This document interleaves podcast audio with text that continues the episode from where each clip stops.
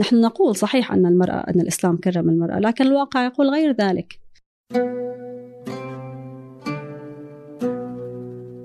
أهلا هذا فنجان وأنا عبد الرحمن أبو مالح. ضيفة اليوم هي سيرين حمشو آه، مهندسة ومتخصصة في الطاقة البديلة كذلك هي باحثة في الدراسات الإسلامية وحصل على شهادة البكالوريوس في كلتاهما.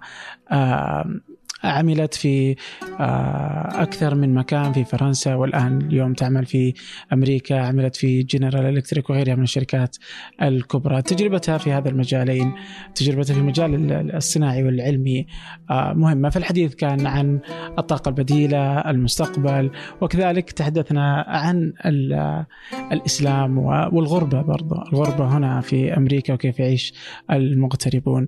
آه، الحديث شيق حلقة رائعة. وجميلة يعني. قبل أن نبدأ أود منكم مشاركة الحلقة مع من تعتقدوا أنها تهمه. كذلك أود شكر شريكنا في هذه الحلقة تطبيق المطار الذي ساعدنا في الوصول إلى هنا. أما الآن نبدأ أهلا سيرين. أهلا وسهلا. شو ليه قبل شيء كنت تتكلمي أنه كنت تبغي توقفي آخر اللقاءات؟ لأنه صار شعرت إنه صارت اللقاءات أكثر من الإنجازات. آه. صارت اللقاءات أكثر من العمل. فيحتاج المرء أحيانا أن يقف في نقطة ما وينشغل في العمل ويدع عمله يتكلم عنه. بس إنه انت انت متخصص في أكثر من حاجة يعني فلو أخذنا عملك اللي له علاقة بال بالطاقة يعني شلون ممكن يتكلم عنك؟ بينما إنه أنت عندك آه، يعني حديثك أحيانا يكون ملهم للنساء. فبدون ما تطلعي أنت ما أنت قادرة تلهمي الاخري الأخريات اللي ممكن يشوفوك آه، مثال جيد لهن صح؟ لذلك أنا هون. آه ممتاز ممتاز. طيب في نقطة آه كذا وأنا وإحنا بنحكي قبل. فقلت لك آه عالمة. okay؟ and uh, قلتي صححتي لي أنت قلتي uh, لست عالمة. قلت تمام. بدنا جالس أفكر يعني ليش أنا قلت عالمة؟ يعني أجزم إنها ما هو بتزلف بس إنه يعني ليش أنا قلت عالمة؟ يعني صح إنه أنت عندك uh, بكالوريوس شهادتين بكالوريوس في قسمين تخصصين مختلفين وتشتغل اليوم في واحدة من أكبر شركات العالم General Electric آه عندك براءة اختراع. بس لو كان كذا يعني إنه لو كان رجل ما كنت قلت له عالم أتوقع. يعني لأنه okay صح إنها إنجازات بس إنه لا تزال يعني لا تزال أنت في آه، مقبل الطريق يعني في البداية. جالس أقول يعني هل أنا قلت لأنه يعني كذا لأني قارنتك باقرانك من النساء فأنت تعتبري شيء عظيم وهم أقل. يعني فهمتي؟ فقلت okay. ف فما أدري يعني كانت كذا اللي حتى بعدين قلت okay خليني أشوف. وأنا أبحث برضو في الإعداد لقيت إنه أغلب الناس برضو نفس الشيء. مخترعة مكتشفة. آه. قديش يزعجك هذا الشيء؟ إنه الناس تعطيك آه هذا هذا الحجم اللي أنت تدري إنه أنا لسه ما وصلت هناك. بس لأنك امرأة ووضع نساء كذا واضح إنه سيء لهالدرجة يعني. فأي أحد يبرز بينهم. جميل جميل هذا ال ال هذا التعبير. آه، هي فكرة إنه لقب عالم أو عالمة تترجم من اللغة الإنجليزية واللي هي scientist scientist كلمة جدا متداولة هنا. مثلا آه، لو كنت تشتغل في مجال الأبحاث مجال البحث العلمي سيكون لقبك إما باحث أو آه، أو scientist ترجمتها للعربية هي عالم. لكن وقع كلمة عالم بالأذن العربية مختلف تماما عن وقعها بالأذن الأجنبية. عالم باللغة العربية تحضر إلى الذهن علماء مثل توماس أديسون مثل تسلا مثل آه، نيوتن. هذه الأسماء العظيمة جدا. لذلك لما يطلق على شخص اسم عالم آه، دائما يوضع في مكان المقارنة. طب شو عمل هاد؟ هل, هل اكتشف الذرة؟ هل اكتشف الجاذبية دائما يقارن بأسماء العظماء. وربما ذلك لعدم وجود يعني مجال بحث علمي كبير في الوطن العربي وبالتالي كلمة عالم غير آه، مطروقة جدا في العالم العربي. هلا بالنسبة لي لا أنا لست عالمة ولا حتى بالإنجليزي أنا لست ساينتست لأن مجالي آه، مجال هندسي صناعي. صحيح لدي ابتكارات لدي اختراعات لكن كلها تصب في المجال الصناعي وليس المجال الأكاديمي أنا مثلا لست باحثة لذلك ليس لدي أبحاث أكاديمية. ف... فلذلك كلمة عالمة لا أطلقها على نفسي ولا أحب أن يطلقها علي أحد. آه، كلمة مخترعة يعني أنت هيك أصبت في الوتر.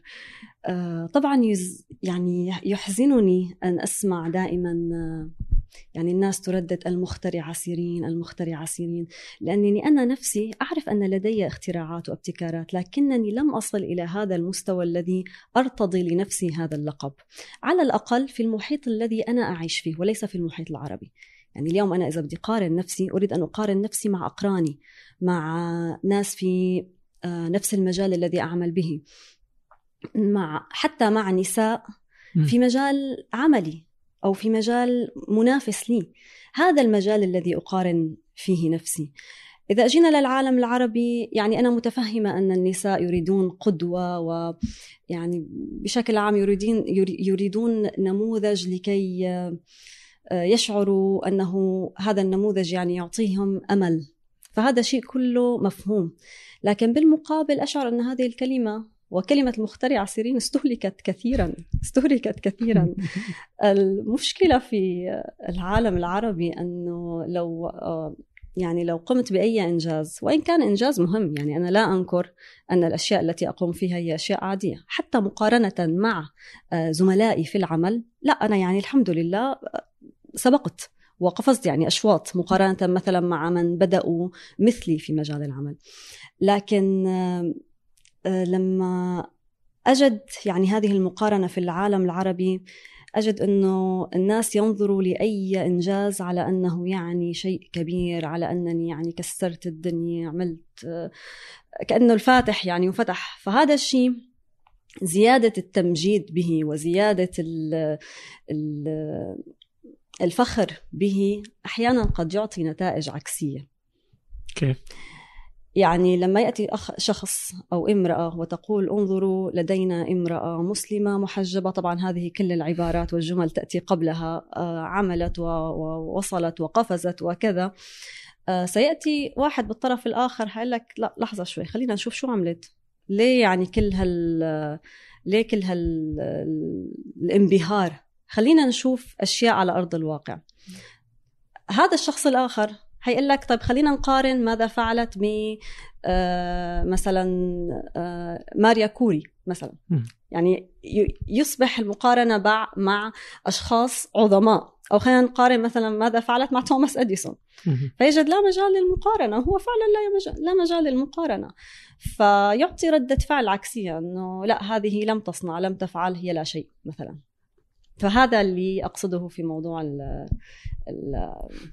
لا يا اللي نعم. لا تقول كذا. فأفهم يعني بس اليوم أنت مهندسة وتعملي برضه في شركة آه، في الصناعة. فكرة أنا تركت آه، عملي في جي إي. آه وين نعم. رحتي؟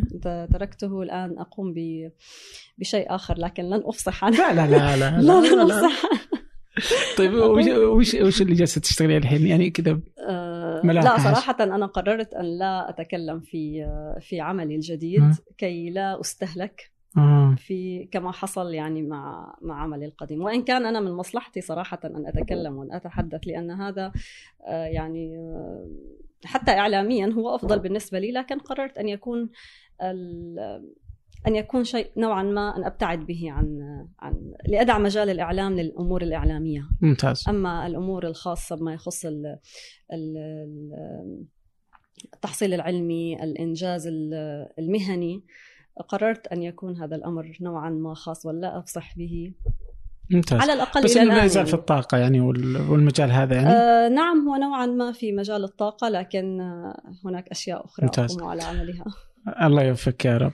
طيب آه إنه تعملي كمهندسة آه أو حتى يعني في هذه المجالات الصناعية لنقل. آه كم نسبة النساء بين الرجال في عملك؟ هذا وأنت في أمريكا اليوم. ما أبغى اسحب بعدين نشوف كيف حالنا بس أبغى أشوف. يعني إذا كنت أريد أن أتحدث عن عملي السابق ب هلا في الشركة على مستوى العالم يوجد نسبة جيدة من النساء موزعين في ألمانيا في الصين في في كل مكان. لكن لكن نبغى دوامك اليومي. دوامي اليومي لا ما كان يعني. أنا بالفريق ما كنت أنا الوحيدة المرأة الوحيدة في في الفريق. حتى في الفريق الألماني والفريق الأمريكي. كان هناك امراه أخرى مهندسة في الصين. لكن ما كانت في فريقي مباشرة كانت في فريق آخر. لكن كان هناك نوع من التواصل بيني وبينها ببعض مشاريع العمل المتعلقة في مشاريعنا في الصين. لكن مجال العمل اليومي آه، طبعا أتكلم ضمن الفريق يعني في الشركة في البناء يوجد كثير من النساء طبعا. نعم لكن بالفريق نفسه كمهندسات كنت لوحدي في آه، في فريق العمل. طبعا في كل الفرق الأخرى مثلا فريق ال marketing كان في كثير من النساء. فريق ال quality control كان في طبعا لما أقول كثير من النساء أعني مثلا آه، آه، امرأتين مثلا أو ثلاثة مقابل عشر رجال أو عشر رجل. هذا بالنسبة لي هو الكثير. أكثر من ذلك ما ما شفت إلى الآن. طيب. ف... قديش يأثر عليك إنه إنه أنت لوحدك بين رجال؟ هلا يعني كامرأة يعني أتوقع أتوقع أنا لو أنا واحد بين نساء إنه كذا يعني ما راح آخذ راحتي كثير في يعني إنتاجيتي أقل بكثير. بالنسبة آه فعلا؟ اي أتوقع إيه. إذا كنت أنا الاقليه إيه أتوقع يعني. يبغى لها يبغى لها يبغى لها تحدي كذا اللي يبغى لها يعني كذا تحس إنك أنت الآخر يعني. فما أحس إن في تكافؤ شوي. يعني خصوصا إذا كنت لحالي نعم. اثنين يعني احسها مزعجة يعني. ممكن ربما. شخصيا يعني ربما يعني الأمر الذي جعلني لا أستغرب أن مجال الهندسة ليس فقط في العمل النساء قلائل حتى في الجامعات.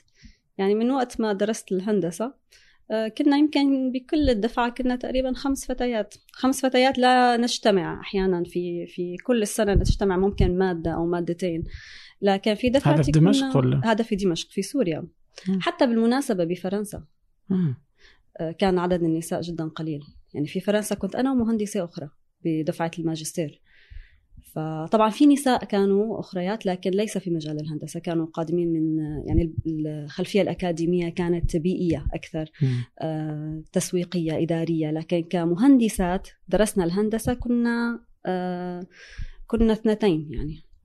ليه ليش ليش تحس إن انه النساء ما يحبوا الهندسة؟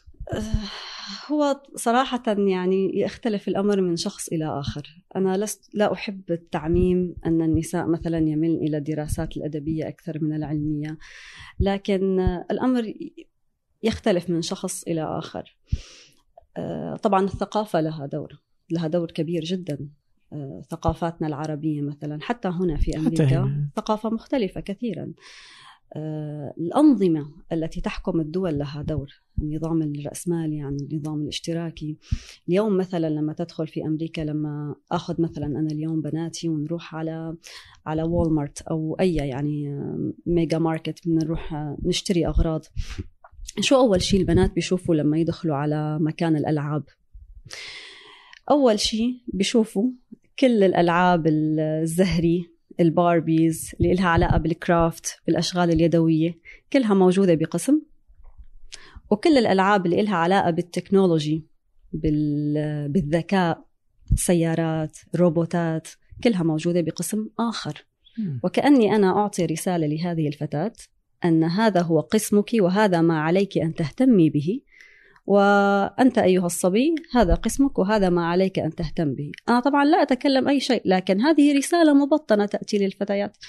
والدليل على ذلك أنه آه، يعني لما أنا أحب أن أراقب بناتي بمراحلهم كيف خاصة بهذا الموضوع ميولهم ميولهم العلمية يعني هل هم أكثر آه، ذاهبين في اتجاه أدبي أم باتجاه علمي. فلما آخذ مثلا ألين ألين ثلاث سنوات لما أخذها على المحل اللي تشتري اللعبة مثلا آه، هي عمرها ثلاث سنوات. لا تهتم كثيرا في ألوان اللعب. مثلا بدها تشتري صندوق لا تهتم هذا الصندوق لونه أزرق أم لونه زهري. يعجبها الأزرق تأخذ الأزرق. آه، ابنتي الكبيرة كانت نفس الشيء لما كان عمرها ثلاث سنوات. آه، في المدرسة لاحظنا أيضا أنه في الصف يوجد ألعاب مختلفة يوجد ألعاب العلاقة بال... بالألعاب ال... يعني الألعاب الصناعية يلي بتحتاج إنه مثلا يصلح سيارة ألعاب النجار المطرقة والمسامير موجودة وموجودة أيضا ألعاب المطبخ. فكان من الملاحظ في مدرسة ابنتي من في في نيويورك كان من الملاحظ لدى الآنسات أن الأطفال اللي بعمر صغير جدا لا يفرق بين اللعبتين. يعني أحيانا تجد طفل صغير يذهب ويقوم باللعب بأدوات المطبخ في في الكأس والكوب ويحاول أن يجلي أو يطبخ أو يعني في ألعاب الخيال عنده. والفتيات نفس الشيء يلاحظ أنهم يعني يلعبون بكل الألعاب بشكل متساوي. لما يكبروا الأطفال أكثر لاحظوا إنه لا الميول تختلف. صارت الفتيات أكثر تذهب باتجاه الألعاب يلي لها يعني مثل الكرافت الألعاب اليدوية. بينما الأطفال يتجهون الصبيان يعني يتجهون إلى ألعاب السيارات ألعاب القطارات. فهو صراحة شيء يعني مثير آه، لكن الثقافة له دور كبير في طريقة توجيه الأطفال. يعني اليوم على عيد ميلاد مثلا ابنتي أتوقع أنه معظم الهدايا اللي راح تجيها من أصدقائها هي عبارة عن باربي مناكير آه، شيء له علاقة في الزينة وهذا شيء جميل. نحن لا نقول يعني أننا لا نريده شيء جميل وشيء أنثوي وشيء طبيعي لكن في المقابل ما أحد مثلا يهديها سيارة. ما أحد يهديها آه، قطار. هذا مثلا مثال بسيط على كيفية تكوين شخصية الطفل إذا كان طفلة أو إذا كان طفل وكيف يكبر بهذه الشخصية هو وكيف تؤثر عليه مستقبلا. يعني آه، يعني هذه النقطة مهمة. يعني حتى أصلا آه، على على كثير من الجوانب أنا بتذكر أن في هارفرد الظاهر حتى في كيف تكوين الطفل في المدرسة وأثره على حتى الإبداع. انه المدرسة سووا دراسة وانه المدرسة آه، تقلل الإبداع عند عند الناس يعني عند الرجال. الرجال والنساء يعني. فاثره اللي وأنت صغير في تكوين كيف تصبح وأنت عندما تكبر مهم جدا وواضح إنه يأثر. آه وبالنسبة للنساء أتوقع في كثير يعني حتى ذكر في تيد يعني كان حتى في واحدة في كيف طريقة تربية الأهل للبنات. فعادة يخافون على البنت إنه لا يعني يخافون عليها بينما الولد إنه يقولوا له روح يعني جرب أخطي كذا اللي غامر. فيسمحون له بينما هذه فلما تكبر الرجل عنده حس المغامرة والجرأة أكبر من لأنه تعلم من أخطائه برضه وكان عادي أنه يغلط. بينما البنت مو عادي أنها تغلط. لكن في نقطة أخرى عن هذا الموضوع لأنني بدأت الحديث عن كيف المنظومة الرأسمالية هنا مثلا كمثال للألعاب في أمريكا كيف الفتاة يعني من وقت ما تكون صغيرة تدفع باتجاه ما اللي هو اتجاه ال ال الأشياء المنزلية بطريقة آه، طبعا تفيد السوق في النهاية يعني بمنفعه السوق. لكن لما تصل لمراحل متقدمة في الدراسة أو حتى تصل يعني في الصف الخامس أو السادس يبدأ الاهتمام مرة أخرى في موضوع مواد ال STEM اللي هي ال science technology engineering and math فيقوم المجتمع بدفع الفتاة مرة أخرى للتوجه للمواد العلمية. فتكون في ضغط معين قبل مرحلة المدرسة أو أثناء بداية المدرسة لكن في منتصف آه، طريقها الأكاديمي. آه، أيضا يعني أنا في نظري أرى أنها تدفع باتجاه هذه المواد العلمية لأن ما هي الدعاية المرافقة لمواد الستيم أو أنها آه، أنها ستكون ذكية هذه مواد الأذكياء. فأنت عليك أن تدرسي هذه المواد لكي تكوني ذكية. طيب لو جينا لحالة فتاة هي لا تحب المواد العلمية.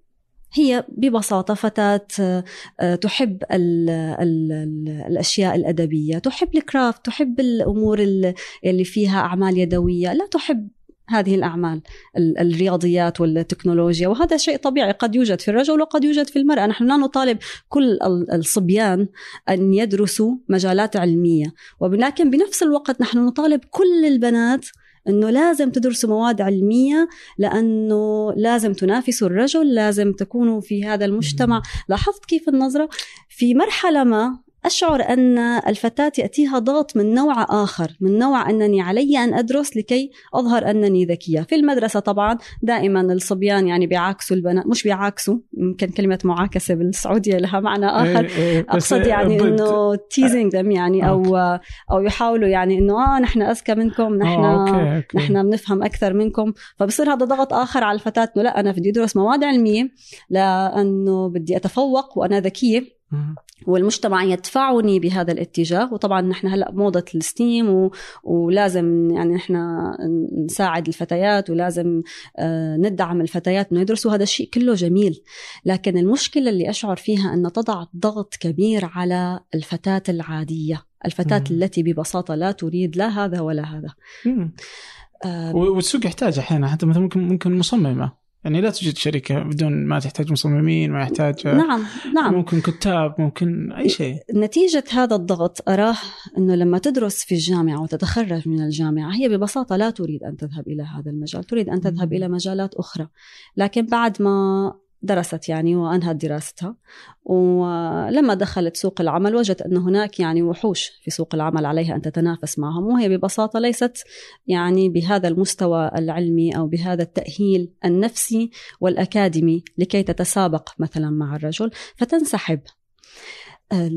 لذلك أنا لست بالمناسبة من المدافعات عن يعني ليست ربما كلمة مدافعات هي ليست يعني الجملة الصحيحة لكن لست من الذين يعني يحاولوا أن يدفعوا المرأة لأن تذهب لسوق العمل أو أن تدرس مجال معين أو تقوم بعمل معين.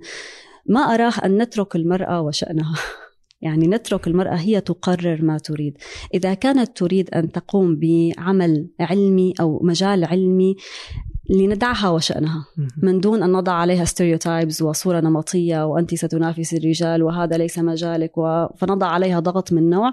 بالمقابل إذا كانت هي لا تريد أصلا هذا المجال علينا أن لا نضع عليها ضغط أنه لا أنت آه، إذا ما دخلتي مجال علمي أنت تعتبري يعني في في في عيون النسوية يعني أنت امرأة أضعتي حقوقك وعليك أن تطالبي بها. يعني أنا أتمنى أن يصل أن نصل ليوم نترك المرأة تقرر ما تريد أن تفعله في هذه الحياة بدون ضغوط. ونترك الرجل أيضا يعني لا آه. الوضع الوضع يعني هو سيء على على الجنسين وليس فقط على المرأة. لكن بحكم سؤالك لي عن موضوع المرأة فهذه هي نظرتي. يعني أنا اليوم مثلا أنظر إلى مثال بناتي. أنا لا أعرف ماذا يعني شو هن حابين يكونوا في المستقبل.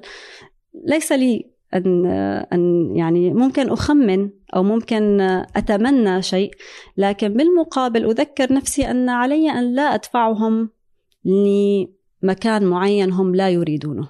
يعني بمعنى أنا اليوم مثلا كنت مهندسة ومهندسة الحمد لله لي قفزات في في عملي. ليس بالضروري آه، بناتي إنهم يدرسوا مجال علمي. قد تكون بنتي مهتمة مثلا في مجال الأدب. قد تكون ابنتي مهتمة في مجالات أخرى قد تكون مهتمة في الرسم. ليس علي أن أدفعها لتغير مجالها وإنما علي أن أؤمن لها البيئة التي تساعدها أن تزهر في مجالها يلي هي اختارته بناء على شخصيتها بناء على آه على تكوينها النفسي تكوينها العلمي ما تريد هي أن تفعله في الحياة. وإلا يعني سأكون قد فشلت في إنشاء أولاد سعداء في حياتهم. مستمعي فنجان القدامى يعرفون إكسير البن. والأصدقاء في إكسير البن كانوا داعمين لفنجان أكثر من مرة. هذه المرة عندهم خدمة جديدة إحنا في ثمانية نستخدمها وهي مريحة جدا. لكن قبل أحكيكم عن الخدمة إذا كنتم من سكان الرياض ودي أنصحكم نصيحة. وهي أنكم تزورون فرع إكسير البن الجديد في الحمراء.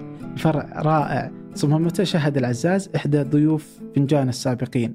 كنا في ثمانية في هذه الخدمة من أوائل الناس المشتركين فيها. هي إشتراك شهري عبر المتجر الإلكتروني تصلك نكهتين مختلفتين من البن كل شهر. شهر من السلفادور وكينيا شهر ثاني من إثيوبيا واليمن ولا تتعب نفسك وتحتار وتختار. اشترك مرة واحدة واستمتع بالقهوة. تصلك أينما كنت في السعودية أو خارج السعودية. الاشتراك في الخدمة متوفر عن طريق موقعهم اكسيرالبون dot com اكسيرالبون dot com أو ابحث في جوجل اكسيرالبون راح يكونون في أول النتائج. وي آه سواء اشتركت في الخدمة أو لا إذا رحت الفرع اهمس في إذن الساقي فنجان. يمكن يعطونك قهوة ببلاش.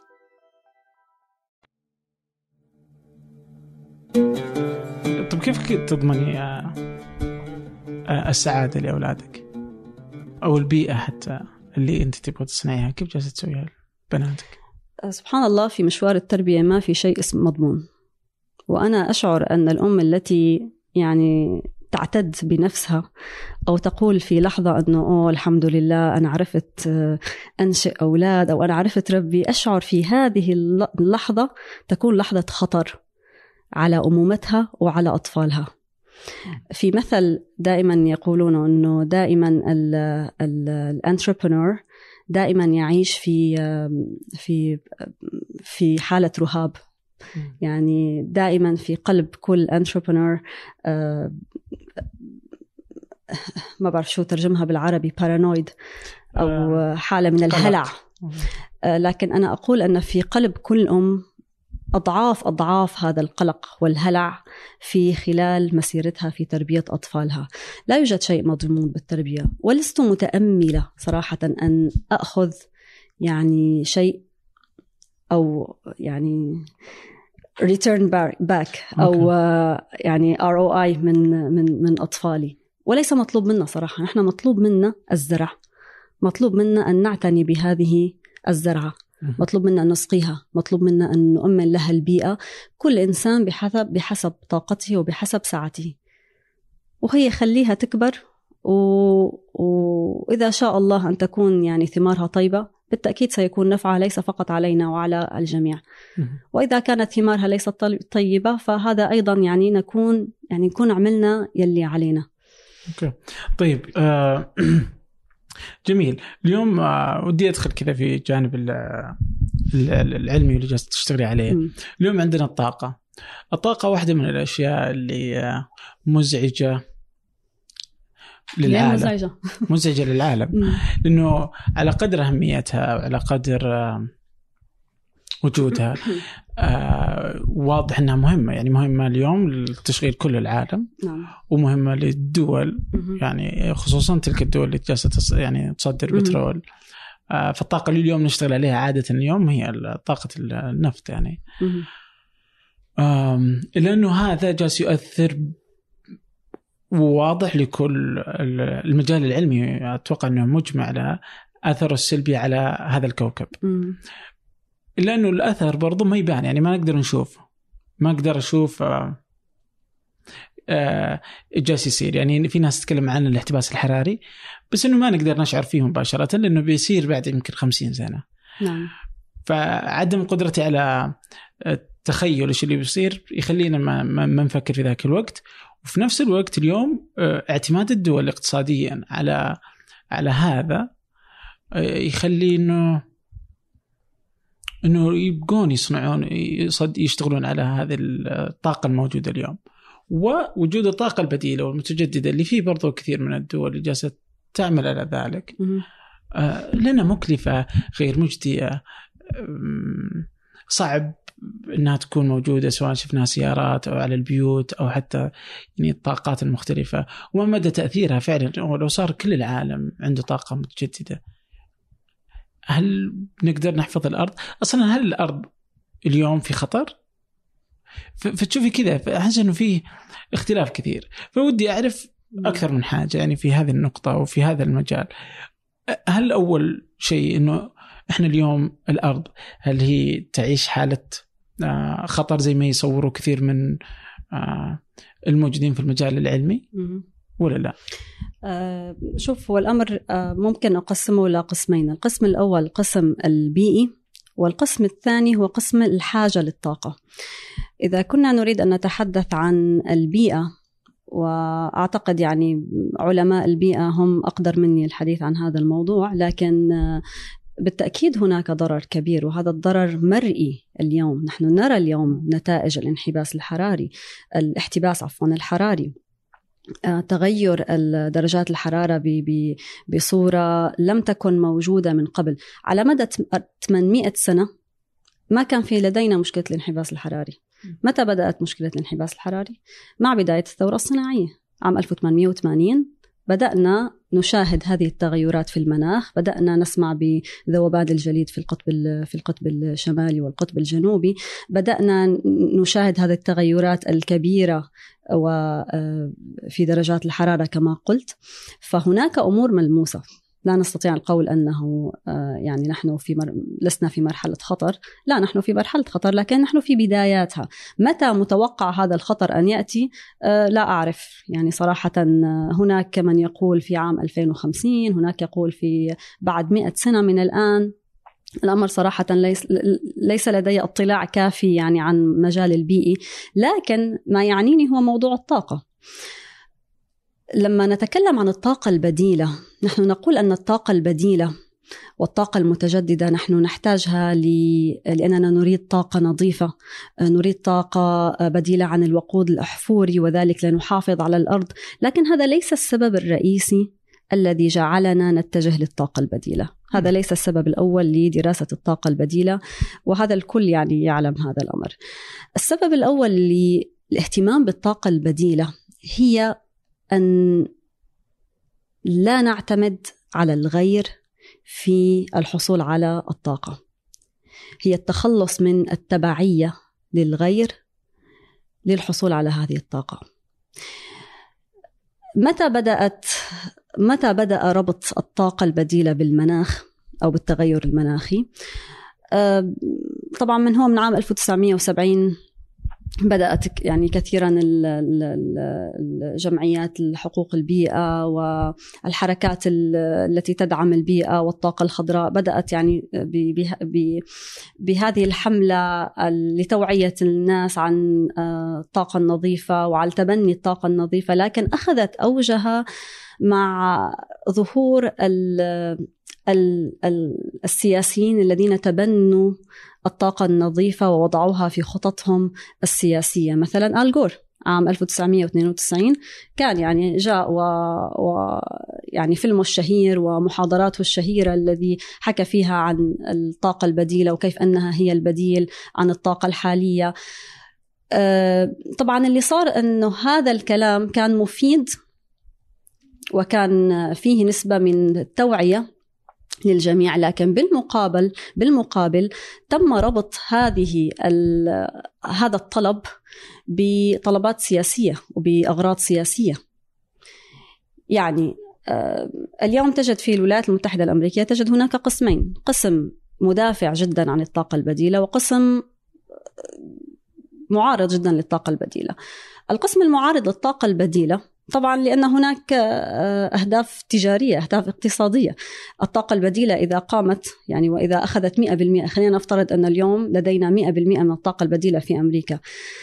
آه، ستنهار المصانع والمعامل معامل الفحم ومعامل الغاز الطبيعي. أين سيذهب أين ستذهب هذه الدولة بهذه المعامل؟ بس هنا هل الطاقة البديلة ما توظف؟ ما تخلق سوق جديد يعني؟ ممكن. لا طبعا لكن لكن ال ال ال الوقود الأحفوري اليوم هو لعبة سياسية. م. اليوم الغاز الطبيعي هناك دول يعني تقوم حروب في في المناطق الدول التي تحوي على النفط. فلما تستبدل الطاقة هذا النفط بطاقة بديلة سوف يعني تتوقف الحروب. وإذا توقفت الحروب س يعني آه، سيحل السلام. سيحل السلام. وهذا ليس من مصلحة أحد خاصة الدول الكبيرة. لذلك هو موضوع سياسي موضوع الطاقة موضوع سياسي. آه، والاهتمام به والاهتمام به بالطاقة البديلة كان في البداية اهتمام سياسي. بما معنى أني اليوم أنا لا أريد أن أكون تبع لدولة أخرى لأخذ منها النفط. أنا أريد أن أنتج طاقتي بنفسي لا أريد أن أحتاج إلى الغير. ويقصد بالغير الدول العربية وهم يعني يعني مش عم ياخذوا منا غير هالنفط ومع ذلك مش عاجبهم. يعني هن يريدون أن يأخذوا أن تكون طاقتهم منهم وفيهم. آه هناك دول كثيرة اليوم مشت في مجال الطاقة. اليوم ألمانيا 40% من إنتاج الطاقة هي طاقة بديلة. هناك دول آه أيسلندا وصلت أعتقد إلى ما يقارب 100% من الطاقة هي طاقة بديلة. آه كوستاريكا صدق أو لا تصدق 100% طاقة بديلة. البرازيل فوق ال 90% أعتقد. آه، الباراغواي. أيضا فوق 90% طبعا هي ليس باختيارها لأنه هي ما عندها موارد لكن لكن موجودة الدول التي تتكلم التي يعني تعتمد الطاقة البديلة تعتمد الطاقة البديلة نعم. طيب بس لما نقول طاقة بديلة وش نقصد مثلا؟ خصوصا الدول هذه وش استخدمت؟ الطاقه الشمسيه طاقة الرياح الطاقة البديلة هي مصطلح نعني به الطاقات البديلة للوقود الأحفوري للغاز وللنفط وللوقود الأحفوري. نعني بها الطاقة الشمسية الطاقة الطاقة القمرية اللي هي طاقة المد والجزر آه، ال hydro الطاقة المائية اللي هي السدود آه، آه، طاقة الطاقة الحرارية ال biomass طاقة الكتلة الحيوية. البعض يضم الطاقة النووية لمجمل الطاقات المتجددة أو الطاقة البديلة وهي أيضا موجودة اليوم. البعض الآخر يقول لا هذه الطاقة ليست نظيفة والموضوع يعني debatable عليه عليه خلاف. وانت شو تشوفي؟ آه، هلا هي الطاقة هي طاقة يعني بغض النظر عن اللي صار في آه، إيش اسمه ذا آه، الانفجار اللي في أوكرانيا. نعم. إيش اسمه؟ هو في اليابان تقصد. أه؟ نعم نعم إيه؟ أه يعني هذا اللي أثر على البيئة سلبا إلى 100 سنة يمكن باقي بالتأكيد الطاقة بس بغض النظر عن ذاك أتوقع إنه يعني هي طاقه تعتبر. هي طاقه الطاقة النووية هي طاقة آه، بديلة نظيفة إذا أردنا أن ننظر لها فقط من حيث انبعاثات غاز ثاني أكسيد الكربون. هي لا لا تبع نسبة انبعاث غاز CO2 من الطاقة النووية هي نسبة جدا قليلة مقارنة بجميع الطاقات الموجودة اليوم. لكن هناك مشاكل أخرى للطاقة النووية. الطاقة النووية لديها مخاطر كبيرة. في حال حدوث انفجار واحد الراديو الراديو نيوكلايدز المشع الذي يخرج من من آه، من هذه الطاقة. يعني هذا مسبب أول للسرطان. النفايات النووية هذه مشكلة أخرى. يعني نحن صحيح حلينا مشكلة CO2 لكن وقعنا في مشكلة أكبر. يعني حلينا مشكلة الحفاظ على بيئة نظيفة لكن كسرنا عظام الإنسان بالمخلفات النووية وبالسرطانات التي ستأتي. يعني آه، خطرها مباشر على الإنسان. بس بالإضافة لذلك أن المساحة التي تحتاجها الطاقة النووية لو لو لأنه هي الطاقه النوويه لا تحتاج فقط المنشأة أو المعمل لكن تحتاج أيضا لبيئة يلي هي ال free zone اللي لازم تكون موجودة حوالي المعمل كي لا يتم الاقتراب منها بسبب الإشعاعات التي تصدرها الطاقة النووية. لو هذه المنطقة نفسها بدلناها بطاقة شمسية الطاقة الشمسية ستنتج لنا من الوقود أكثر من الطاقة النووية. الطاقة الشمسية كل كيلو متر مربع ينتج لنا واحد جيجا, جيجا وات من الطاقة وهي تقريبا يعني بشكل نسبي أكثر من الطاقة النووية التي سنحصل عليها من نفس المساحة. الطاقة البديل الطاقة النووية خيار جدا جيد للأماكن التي آه، لا ليس فيها كوارث طبيعية مثلا مثل فرنسا أما في أماكن مثلا مثل اليابان أو أماكن معرضة لزلزالات أو لفيضانات فهذا أيضا خطير أمر خطير. آه، هناك الكثير من المدافعين على الطاقة النووية، بالمناسبة بيل جيتس اليوم يقوم بدفع الكونغرس الأمريكي لحتى يعني يأمن دعم فيدرالي ليقوم بدراسات على الطاقة النووية لكي يعني آه، يدفع باتجاه الطاقة النووية. طبعا يعني أعود مرة أخرى وأقول أن الأمر له علاقة سياسية مباشرة أو ربما مصالح قد لا تكون سياسية لكن قد تكون مصالح اقتصادية. يعني هذا مثلا الدفع وراء آه، إنشاء منشآت للطاقة النووية. الكثير مثلا يتهم بيل جيتس أن له مصالح فيها لأن له كثير من الأسهم في منشآت الطاقة النووية. بالمقابل تجد مثلا إيلون ماسك يدافع بشدة عن الطاقة الشمسية. فتأتي من يقول أن لديه مصالح لأن لديه سولار سيتي والموضوع إذا موضوع آه، تجاري وليس موضوع علمي أو بيئي. لذلك الموضوع جدا يعني فيه خلاف. لكن أنا شخصيا أجد أننا نستطيع أن يعني أن نستطيع أن نوظف الطاقة النووية بطريقة إذا طبعا يعني تمت هذه الدراسات واستطعنا أن ننتج آه، طاقة اندماجية لا انشطارية بحيث يعني نضمن عدم عدم وجود نفايات مشعة أو إشعاعات من هذه المعامل لا نستطيع في الوقت الحالي لا نستطيع أن نستغني عنها. في الوقت الحالي هي موجودة.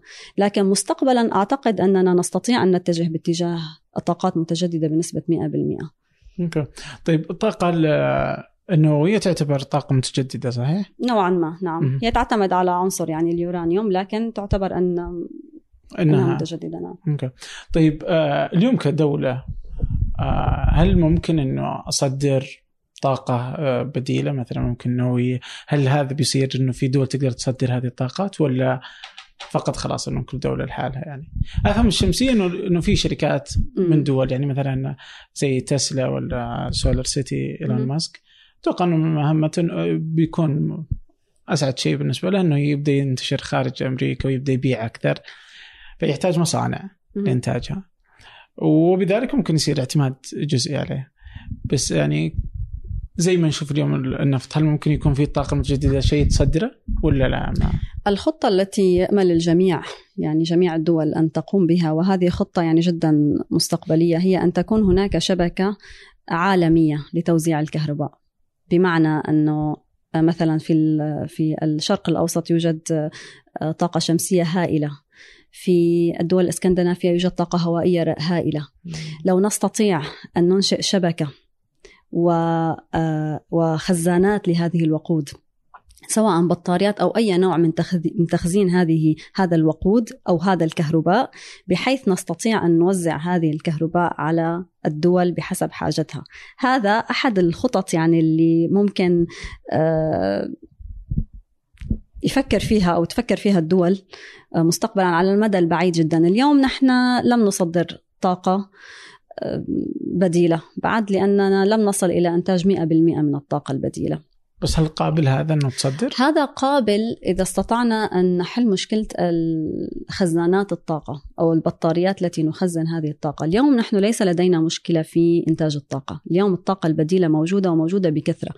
ساعة واحدة من الطاقة الشمسية المتجهة إلى الأرض تكفي لحاجة البشر لمدة سنة كاملة. كيف؟ ساعة شمسية واحدة من الطاقة لو استطعنا أن نخزنها أو استطعنا أن نمتص هذه الطاقة تكفي حاجة البشر لمدة سنة كاملة. المشكلة اليوم أو التحدي اليوم هو موضوع تخزين هذه الطاقة، كيف أستطيع أن أخزن هذه الطاقة؟ آه، الطاقة البديلة موجودة موجودة بكثرة اليوم حوالي تقريبا 19% من من الطاقة في أمريكا هي طاقة بديلة كما قلت لك ألمانيا اليوم 40% من اعتمادها على الطاقة البديلة لماذا مثلا الطاقة النووية مفضلة على الطاقة البديلة اليوم؟ لأن اعتمادية وموثوقية الطاقة النووية أكثر. مثلا آه، أنا لدي مزارع رياح آه، وما في هواء. كيف أستطيع أن أضخ إلى الجريد أو الشبكة الكهرباء؟ يوم آخر لدي هواء أكثر من اللازم أنا أستطيع أن أولد طاقة كثيرة لكن لا تحت لا أحتاجها في الشبكة مم. كيف أحتاج أن أخزن هذه الطاقة لأعتمد عليها لاحقا اليوم المجال من اليوم من الآن أعتقد لعشر سنوات من الآن سيكون التركيز أكثر على موضوع تخزين الطاقة. لذلك تسلا قام بفكرة ذكية وقام ببناء مزرعة بطاريات للطاقة الشمسية في أستراليا. وكأنه إعلان منه أنني دخلت سوق تخزين الطاقة الشمسية. وهي حركة ملفتة بالمناسبة. عجيب والله. فيقدر بعدين يبيع البطاريات؟ لا لا هي البطاريات ليست للبيع هي بطاريات لتخزين الطاقة. إيه ثم إعطائها يعني للجريد أو لشبكة الكهرباء عند الحاجة. م. فلما يكون في طريقة لتخزين الطاقة وليس فقط لتخزين الطاقة لتخزين الطاقة لكن بسعر آه، يعني منخفض. اليوم التحدي هو أن نستطيع تخزين الطاقة وتزويدها للمستهلك بسعر ينافس الطاقة الذي يحصل عليها من الغاز الطبيعي. لم نصل إلى هذه المرحلة بعد. اليوم إلى اليوم نحن نعامل البطاريات التي يعني نخزن فيها الطاقة يعني كسيارة رولز رويس يعني هذه هي الرولز رويس تبع تبع الطاقة. هي هكذا. لأنه يعني غالية جدا البطاريات okay. طيب إيش في فرص اليوم يعني بما أنك أكثر فهما للمجال الطاقة يعني خصوصا الصناعة منها إيش في فرص اليوم ل آه، لشركات ناشئه لأفكار جديدة؟ وين تشوفي الفرص تكون عادة؟ فرص ممتازة فرص ممتلئة اليوم خاصة في السوق العربي. جميع الشركات ما لاحظته يعني من خلال اطلاعي وقراءتي أن جميع الشركات العالمية آه، خاصة بالطاقة الشمسية تنظر إلى الشرق الأوسط لمكان لكي إما تبيعها التكنولوجيا أو تقوم على عمل دراسات فيها لأنها أرض وصحراء مناسبة وممتازة للطاقة الشمسية. ومعظم الخطط التي اطلعت عليها تذكر دائما المنطق مناطق العربية آه، يعني يكون لها حصة في خططها الاستراتيجية. إنه مثلا الأردن علينا أن نتواجد فيها بنسبة مثلا 20% السعودية علينا أن نكون فيها بنسبة 30% فهي دائما حاضرة المغرب الجزائر. وهذا بالمناسبة ليست شركة واحدة. يعني هذا إذا بتفتح فقط على مجلة أي مجلة علمية عن الطاقة المتجددة ستجد هذه الأرقام موجودة لأن لدينا مخزون كبير من الطاقة. هذا الشرق الأوسط يعني ما نعم لا في في فرص كثير لكن كما قلت لك مرة أخرى ما زلنا يعني نحاول أن نثبت موثوقية واعتمادية هذه الطاقة سواء في السوق العربي أو في السوق العالمي طب. مشكله ال ال يعني هي ليست مشكله وانما النقطه المهمه في المنطقة العربيه انه الدراسات التي لدينا اليوم تشير انه في عام 2050 حاجتنا للطاقه سوف تتضاعف على الاقل ضعفين لكن بالمقابل موارد الطاقة التي نستخدمها اليوم لن تكون كافية لحتى تغطي هذه الحاجة. وعلى الأغلب نحن اليوم كم مليار من البشر اليوم؟ نحن تقريبا تقريبا سبعة ونصف تقريبا اليوم؟ أوكي. أو ثمانية ربما؟ ممكن آه، ممكن من شهر كانوا سبعة اليوم صاروا ثمانية. 8 مليار. قولي قولي 7 مليار. في متوقع في عام 2050 أن يصل البشر ل 9 مليارات ونصف. ومتوقع من 9 مليارات ونصف أن يكون مليار من هؤلاء البشر غير قادرين على الوصول إلى الطاقة أو أنهم لا يستطيعون أن يشتروا هذه الطاقة بسعر منخفض. وأغلب الظن وأغلب الاحتمالات أن تكون المنطقة العربية الحصة الأكبر من هذا المليار. لأن الطاقة في ذلك الوقت سيكون فقط يعني خيار لأول شيء عالي الكلفة ثاني شيء حيكون خيار للأغنياء بالطبع المناطق المتنازع عليها يعني نحن اليوم مثلا في المناطق العربية يوجد فوضى سياسية فوضى اقتصادية. آه، بالتأكيد لن يكون لها حصة فيما بعد في عام 2050 إذا لم تقم اليوم وتجتهد لأن تجد موارد مثلا البترول وقتها ما راح يشغل الطاقة يعني يكون كافي مثلا؟ لا أدري صراحة. لكن مثلاً. لكن مثلا في في في قارة أفريقيا مثلا. لن يكون هذا الخيار متاح.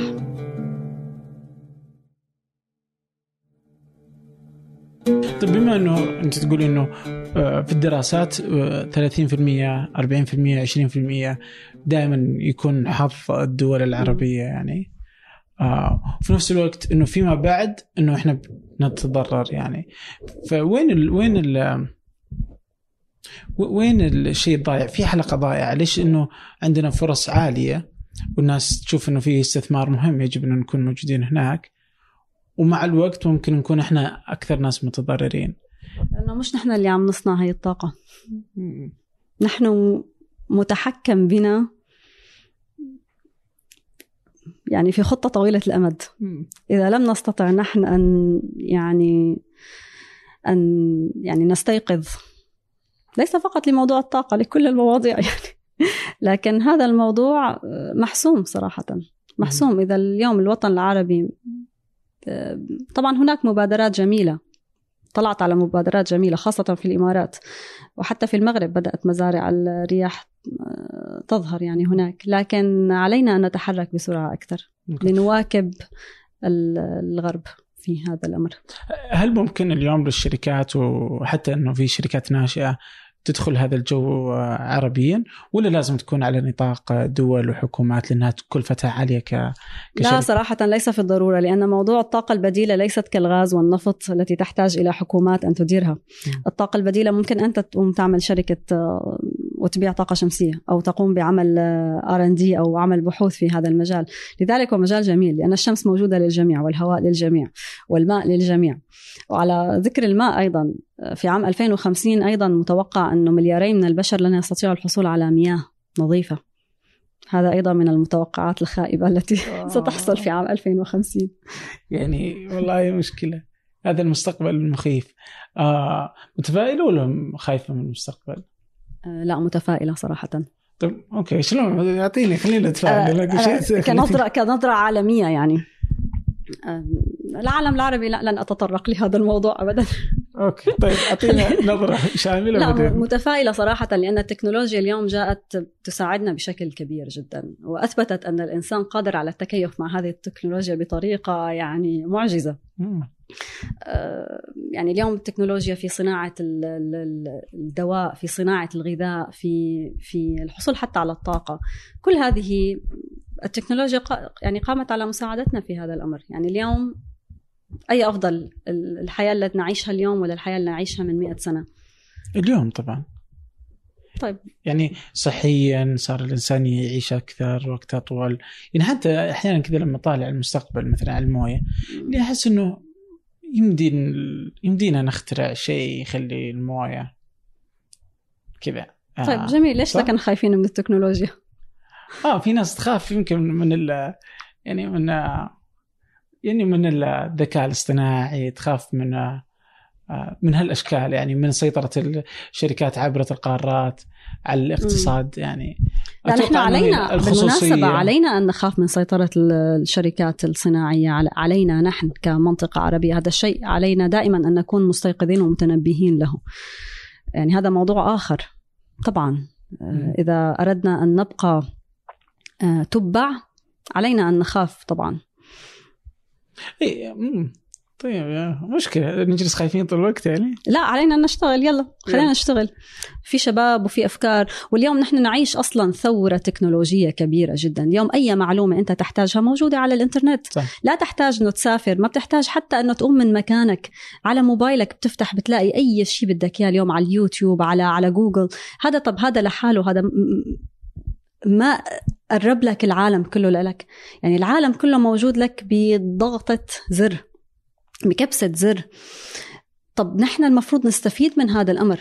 يعني أنا مثلا شهرين كاملين آه، في الصيف آه، كنت يعني عاملة تخييم تقني لحتى أتعلم لغة برمجية أحتاجها في عملي الجديد. ما احتجت حتى أني اسجل بأي كورس. كل شيء وجدته موجود على الإنترنت. كل شيء بشكل يعني غريب غريب فعلا. يعني موضوع ال open source وموضوع آه، مشاركة العلم هذا موضوع فعلا رهيب علينا أن نستفيد منه لأقصى أقصى درجة. وخاصة أنه نحن يعني من عشر سنين نعتبر إنه ما ما كنا نستخدم الإنترنت كثير يعني أنا مثلا في الجامعة ما كان على زماننا آه، يعني جوجل ما كان هو ال reference الأول لنا. كان يعني نحتاج نروح على كافيه نت ونقعد بالكافيه نت ونفتح وندخل لحتى نلاقي المعلومة اللي بدنا إياها. وما كنا صراحة نعتمد على الإنترنت كتير. كنا نعتمد على الكتب والكتب اللي جاية من برا. وإذا بدنا أي حاجة لازم نروح نتواصل مع الشركات ولحتى نجيب لنا. اليوم كله موجود على على جوجل. كله اليوم موجود قدامنا. كبسة زر تجيك كل المعلومات اللي بدك إياها. فما في حجة إنه نحن ما نشتغل. إيلون ماسك وعد أنه ينشر جميع الدراسات والبحوث والمخططات المتعلقة بسيارة تسلا ويجعلها open source لأي شركة تريد أن تصنع سيارة كهربائية. كل شيء سيكون متاح. فما في حجة اليوم يعني حجة إنه نحن ما عندنا العلم الكافي. لا نحن بكبسة زر بنعرف شو صاير بسيليكون فالي بنعرف شو صاير بنيويورك بنعرف شو صاير ببوسطن. لا أحتاج حتى إني أطلع من منزلي لحتى أتعلم. أتفق معك. يعني كمية المعرفة اليوم الموجودة اولا انت كنت بحاجة حتى يعني أول شيء المكتبة لازم الكتب موجودة حتى لما تروح للمكتبة يعني إنك لازم تقرأ الكتاب كله عشان تحصل معلومة. بس اليوم تقدر تبحث يطلع لك صفحة تجلس خلاص يعني من هناك تقدر تحصل على المعلومة نفسها. آه، لأنها برضو إنها لا تزال حكرا على متحدثي اللغة الإنجليزية. يعني طبعا. آه، عدم وجود الكم الكافي مترجما. إلى العربية هذه مشكلة. لا لا نصيحتي من يريد فعلا أن يدرس أي مجال علمي أن يذهب إلى اللغة الإنجليزية فورا. لا يحتاج حتى أنه يعذب نفسه ويدرس في اللغة العربية لأن اللغة العربية اليوم هي لغة غير مستخدمة. يعني مشان ما نضحك على بعض يعني هي اللغة اليوم اللغة العربية أخذ مكانتها فقط من المكانة الدينية لها لأنها لغة القرآن ولغة الدين. لأنها اليوم ليست لغة علم ليست لغة حضارة ليست لغة نهضة. لذلك يعني هذا الجهد إنه لازم ندرس في العربي أو نترجم للغة العربية أنا أراه في الوقت الحالي لن يكون مفيدا. الأفضل إذا كنت تريد أن تدرس أي شيء أن تدرسه من المنبع أن تأخذه من السورس. تريد أن تدرس شيء تقنية تم إنتاجها في أمريكا عليك أن تدرس اللغة الإنجليزية لحتى تفهم هذه التقنية. يستحيل أن أبحث عن بحث أو عن أي شيء في اللغة العربية. بالمقابل أي شيء متعلق بالتاريخ بالدين طبعا سيكون باللغة العربية يعني أتذكر فيديوك اللي سويتيه اللي كان الرساله الأولى وكانت رسالة لابنتك فكنت توصينها آه، باللغة العربية يعني وكان فيديو وانتشر وأتوقع لتعلق الناس بهذه الفكرة اللي يعني الناس ما تبغى تسمع ان اللغة العربية غير مفيدة. فكيف تشوفي الميزان ما بينها؟ صحيح لكن أنا ربطت اللغة العربية بأنها لغة القرآن ووضحت هذا السبب جدا ووضحت أنها أو تعليمي لابنتي اللغة العربية ليس لأنني من أصل عربي وليس لأن أصلها هي عربي لأن هذا الأمر لن يتورث للأحفاد.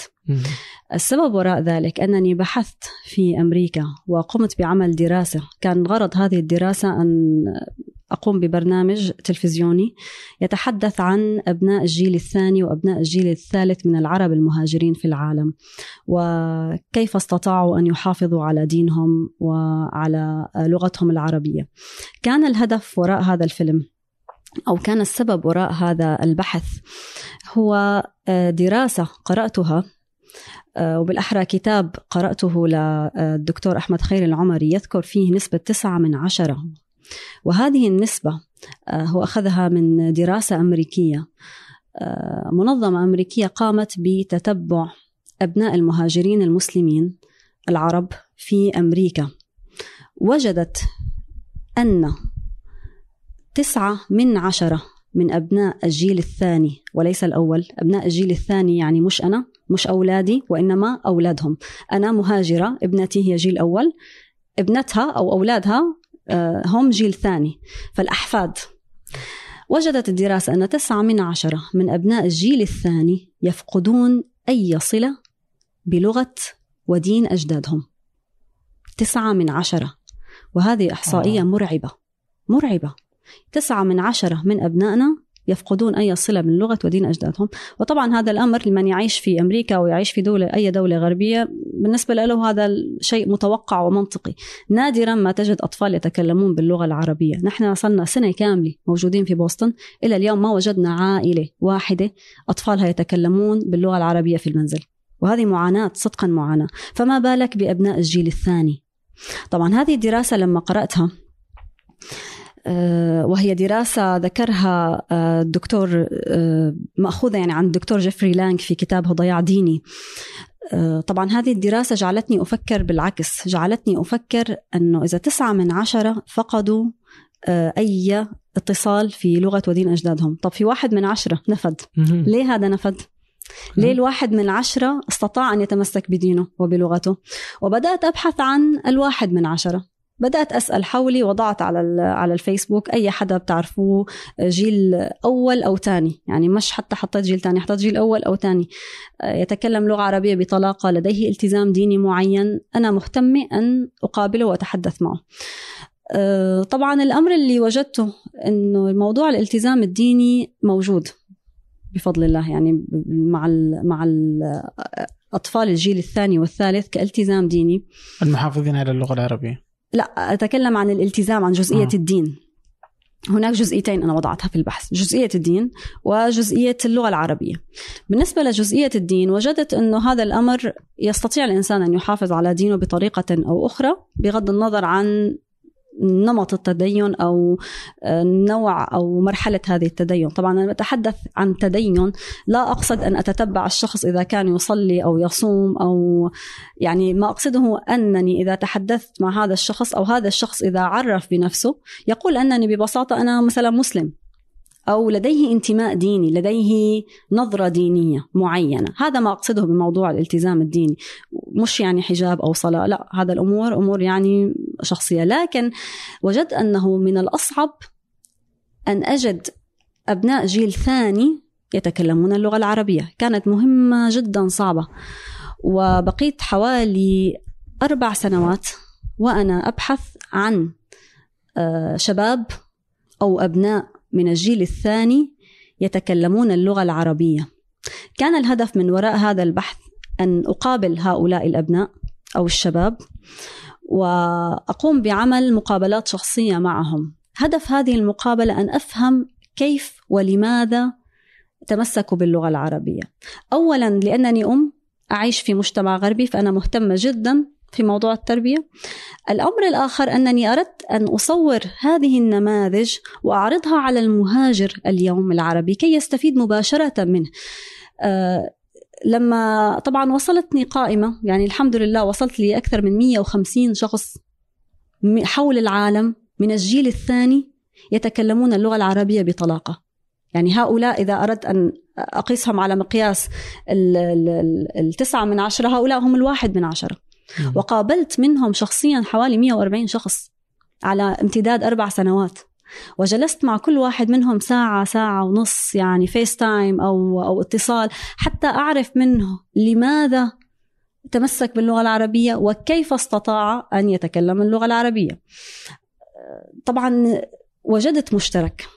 يعني هو كان الهدف أن أجد مشترك بين هؤلاء الواحد من عشرة وجدت فعلا مشترك كبير.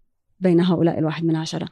واستفدت أنا شخصيا كأم استفدت كثير من التجارب لكن الأمر اللي اتفقوا عليه كل من قابلتهم ما عدا واحد أحكي لك قصته بعدين. كلهم اتفقوا عن سبب تعلم اللغة العربية. لما سألتهم ليه أنتم مهتمين باللغة العربية قالوا لي شيء واحد فقط لأنها لغة القرآن ولأنها لغة الدين. لا شيء آخر تستطيع أن تورثه لأبنائك وأحفادك. إذا لم يكن هناك سبب مقنع لهم. يعني أنا اليوم إذا بدي علم بنتي اللغة العربية أقول يا ماما لأنه أنت أصلك من سوريا لأنه هذا بلدك لأنه كذا. طب هي لا راحت على سوريا ولا بتعرف سوريا ولا بتعرف حدا يعني جاي من سوريا. فهذا السبب بالنسبة لها لن يكون سبب مقنع. يعني هي اليوم لغة غير متحدث بها لا في الشارع ولا في المدرسة. يعني مين اللي بيحكي عربي؟ البابا والماما. فهذا ليس سبب كافي إنه وصل هي اللغة لإلها وهي بدورها توصل اللغة للأبناء. لذلك تجد المهاجرين اليوم اللي جايين من إيرلندا واللي جايين من أوروبا مين استطاع يورث لغته؟ لا أحد. لا أحد. من أبناء الجيل الأول والثاني. لا أحد يتكلم اليوم اللغة الإغريقية ولا أحد يتكلم اليوم اللغات الألمانية مثلا من من المهاجرين القدامى الأمريكان أصلهم يعني أوروبي أو اللي قادمين من أوروبا الشرقية. لذلك السبب المقنع أنها هي لغة قرآن لغة دين. أنا أحتاج هذه اللغة لحتى أفهم ديني أفهم آه، أفهم القرآن أفهم هذا الدين. فهذا السبب يلي جعلني مقتنعة أكثر أنه أنا بدي أعلم اللغة العربية لأبنائي على أمل أن يستطيعوا هم بدورهم أن يعلموها لأبنائهم ولا تنقرض هذه اللغة أو لا يتوقف تعلم اللغة العربية فقط يعني عند عندي أو عند أبنائي. وإن كنت أنا شخصيا أنا أعشق اللغة العربية أعشقها بشكل جميل جدا. أجد فيها ذوق وأجد فيها يعني فيها فن جميل جدا بالمخطوطات. وإذا بتلاحظ يعني منزلي مليء بي بي بالأشياء العربية. لكن هذا سبب غير كافي أني أقنع أبنائي أنه يتكلموا هاي اللغة.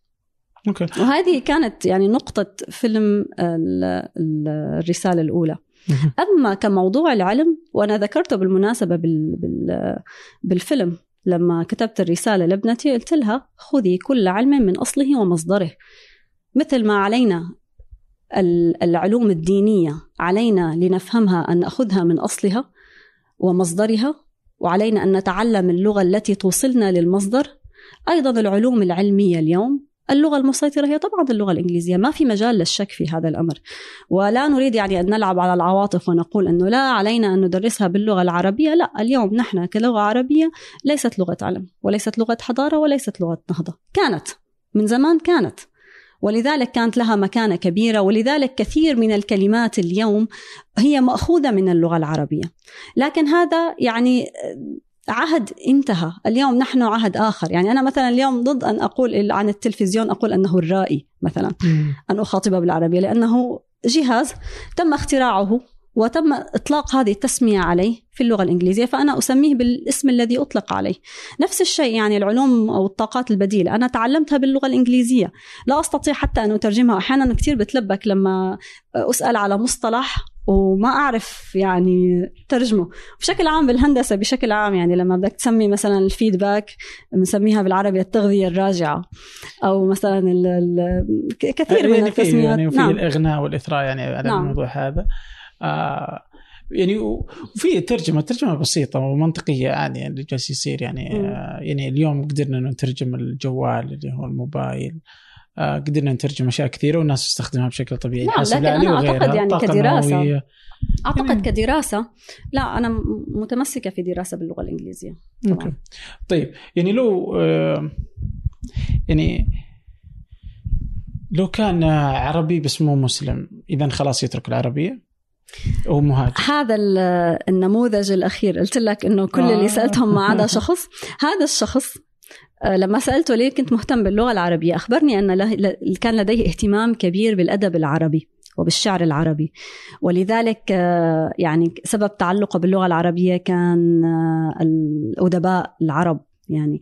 وإن كان مع ذلك لما كنت أسأله أو كان يستفيض في الشرح عن تعلقه في اللغة العربية كان مثلا يقول لي أنني أريد أن أدرس حياة الصحابة مثلا فكنت أريد اللغة العربية لأفهمها. فهي بطريقة أو بأخرى ربطت في الدين. بس ما كان مسلم هو؟ لا هو مسلم آه. هو مسلم أنا أتمنى مسلم. أنا أتمنى أن أجد نموذج أتمنى إلى اليوم أبحث عن نموذج من الجيل الثاني وليس الأول غير مسلم يتكلم العربية أنا أحتاج هذا النموذج لكي يكسر لي هذه النظرية يعني كي لا نربط يعني بالتأكيد أعتقد يعني أنه هناك نماذج لكن إلى اليوم ما استطعت أن أجد نموذج غير مسلم آه، محافظ على اللغة العربية استطاع أن يورثها للجيل الثاني يعني هو الهدف أن أجد أن هذه اللغة ورثت لأجيال وليس فقط انتهت عند الأبناء. لأنه نجد مثلا كثير من العائلات يحبون اللغة العربية وهم أصلا غير مسلمين. هم عرب من مسيحيين أو من ديانات أخرى أو ببساطة غير متدينين ومهتمين جدا باللغة العربية وأبنائهم يتكلمون اللغة العربية لكن بدور أبنائهم ما استطاعوا أن ينقلوا هذا الأمر لأحفادهم. أو ربما استطاعوا لكن أنا لم أستطع أن أصل إلى أي نموذج من هذه النماذج. لا أدري صراحة. ما زلت أبحث على هذا الموضوع بالمناسبة. هو الموضوع يعني يثيرني ومهتمه به لأقصى حد. عجيب والله. يعني آه، أقدر أشوف كذا اللي يعني ليش دائما العرب هم اللي عندهم هذه المشكلة؟ إنه كذا الخوف على إنه ما يبغى يفقد العربية أو الهوية حتى العربية أو الانتماء اللي يبقى. يعني أحيانا أشوف يعني ممكن كذا وأنت بأمثلتك مثلا روسي اللي عاش في أمريكا خلاص يعني عادي يصير أمريكي ومع الوقت يصير أمريكي أولادهم على طول إنجليزي وينسون المسألة هذه كلها. الا ان العرب أحس عندهم هذه هذه هذه المعضلة اللي إنه هو عربي ومحافظ على اللغة آه فلعل الدين هو الأساس. ما أدري والله يعني ربما يعني علينا منطقي جدا بس ما علينا أن نفرق بين الاندماج في المجتمع وبين لغة المجتمع. لما أقول أني أنا أتكلم اللغة العربية أو أنني أعلم أبنائي اللغة العربية لا يعني أنني أحافظ على ثقافة عربية معينة أو آتي بتقاليد عربية معينة تمنعني من الاندماج في الغرب. ما المشكلة أن أكون أن أكون أمريكي وأتكلم اللغة الإنجليزية وأتكلم اللغة العربية؟ ما المشكلة أن أكون أن آه، فرنسي لكن أصلي عربي؟ لا نريد يعني أنا أخشى أن يفهم من كلامي أننا نحاول يعني أن نتقوقع على نفسنا على أنفسنا لأن هذه أيضا مشكلة نعيش فيها هنا ونواجهها، كثير من العرب وكثير من المسلمين يرفضون الاندماج في المجتمعات والاختلاط في المجتمعات خوفا ليس على اللغة وليس على الدين وإنما على ضياع الثقافة والتقاليد العربية. وهنا علينا أن نميز بين التقاليد التي أنا أحتاجها في الغرب وبين الدين. يعني هي الفكرة أن أحافظ على الدين لكن التقاليد لن أستطيع المحافظة عليها لأنني أصلا لا أعيش في جو عربي ولا ثقافة عربية وأنا أصلا لا أحتاجها ولا حتى أبنائي يعني حيتمسكوا فيها. يعني اليوم نحن عندنا كثير من التقاليد العربية وموروثة في المجتمعات يعني حتى أنها طاغية على على بعض التعاليم الدينية. هذه لا أعتقد أننا نحتاجها هنا. يعني أنا لا أتمسك في هذه الثقافة وفي هذا الدين إلا إذا كانت إذا رأيت أن فيها شيء مفيد لي وفيها منفعة لأبنائي. أما غير ذلك لا. أنا أربي اليوم أبنائي أنهم أمريكان. ابنتي أمريكية من أصل عربي. ابنتي أمريكية وفرنسية من أصل عربي. علينا أن نؤكد أن الأصل عربي ونحن مسلمين. الهوية الدينية لدي أهم من الهوية القومية. ممكن. رأيي الشخصي يعني هذا في وجهة نظري. ليش ليش مو بنتك آه، أمريكية فرنسية سورية؟ آه، هلا في حالتي أنا لأنه عمر في الأصل آه، يعني هو من أبناء الجيل الأول في فرنسا. يعني هو ولد ونشأ في فرنسا لم يلد وي... لم يولد. وينشأ في سوريا. فلذلك هي تعتبر من أبناء الجيل الثاني في فرنسا. يعني إذا كنا في فرنسا ابناء الجيل الثاني. فلذلك يعني آه، ربما مثال ابنتي لن يكون مثال ملائم لكن نعم لو كان في أب وأم يعني هم خرجوا من سوريا طبعا راح يكونوا سوريين وراح يكونوا آه، يعني بالبلد اللي هن فيه. وأنا طيب. ابنتي أفضل أن أقول أنها عربية لأنه هي أيضا لها أصل جزائري. أنا يعني أم عمر هي الأصل من الجزائر. ففي كثير يعني هي سورية ولا جزائرية ولا ولا فرنسية ولا أمريكية هي أصلها عربي. طبعا ومن سوريا الماما من سوريا. لكن أنا اليوم لما أحكي مع ابنتي ولا آه، يعني حتى أحكي لها على سوريا لا تعترف إنه هذا بلد لي هذا البلد هذا البلد اللي انت إجيتي منه. آه. يعني هي بالنسبة لأنه ما زارت سوريا. ما بتعرف هذا البلد.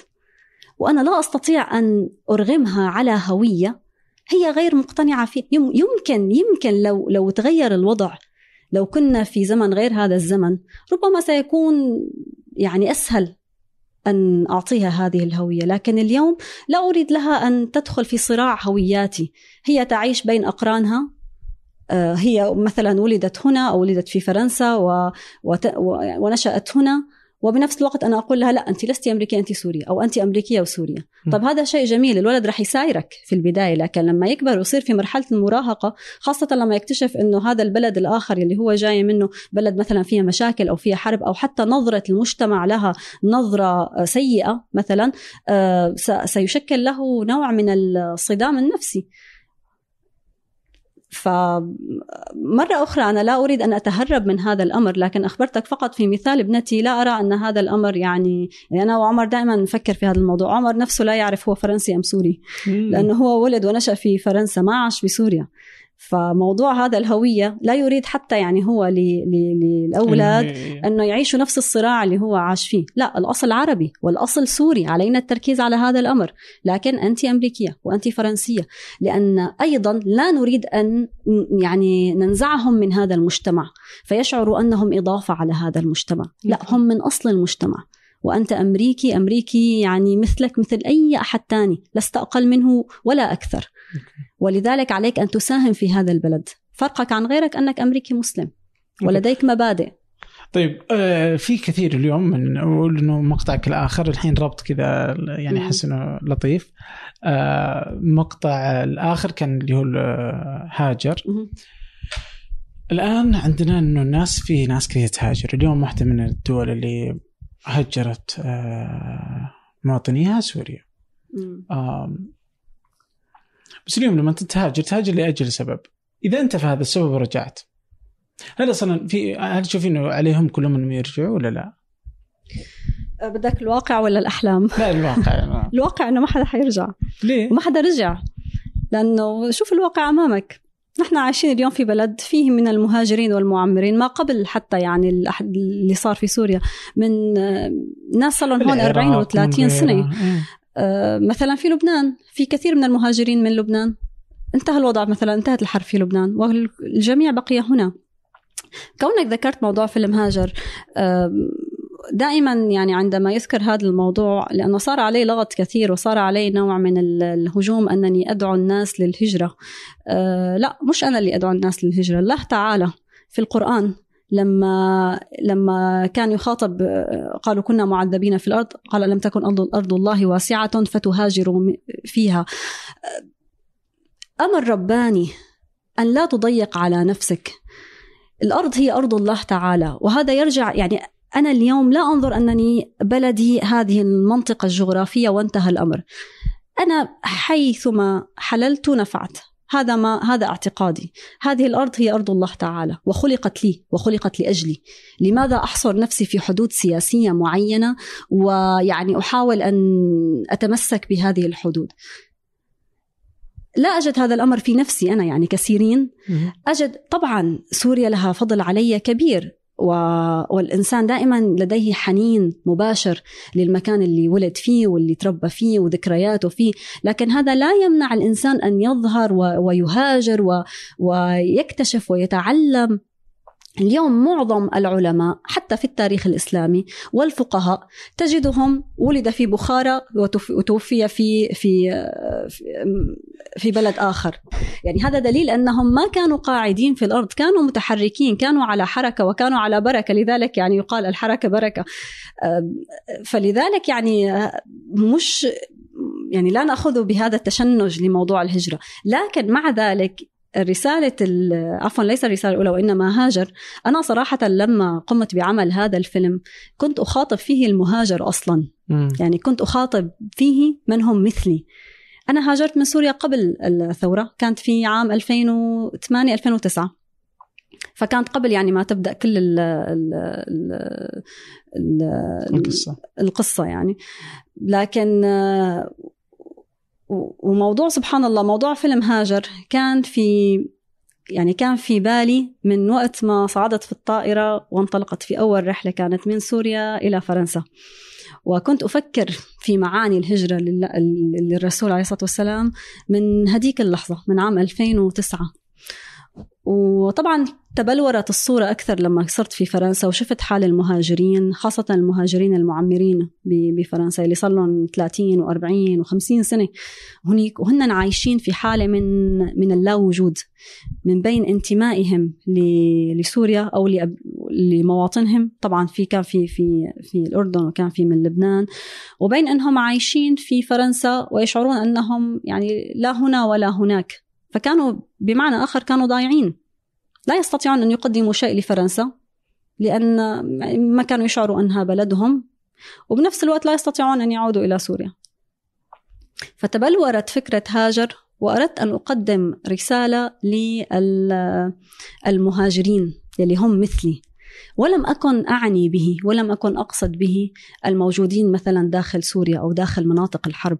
وهذا من الأمور اللي أحزنني صراحة لما أسمع يعني أشخاص من داخل سوريا يعني كانوا آه، يعاتبون أو بطريقة أخرى يلومون أنه وين أنت عايشة وين نحن عايشين وعم تسوقي سيارة وعم يعني جاء كثير من النقد لكن الفكرة أنه هو في الأصل لم يكن موجه آه، لمن هم يعني يعيشون في في داخل الحرب لأنني لا أستطيع وأنا اعيش يعني في في خارج سوريا أن أوجه رسالة لمن في الداخل. يعني هذه يعني صفصطائيه كبيرة جدا ونوع من ال ال لا أستطيع أن أفعل ذلك. أنا موجودة اليوم في أمريكا.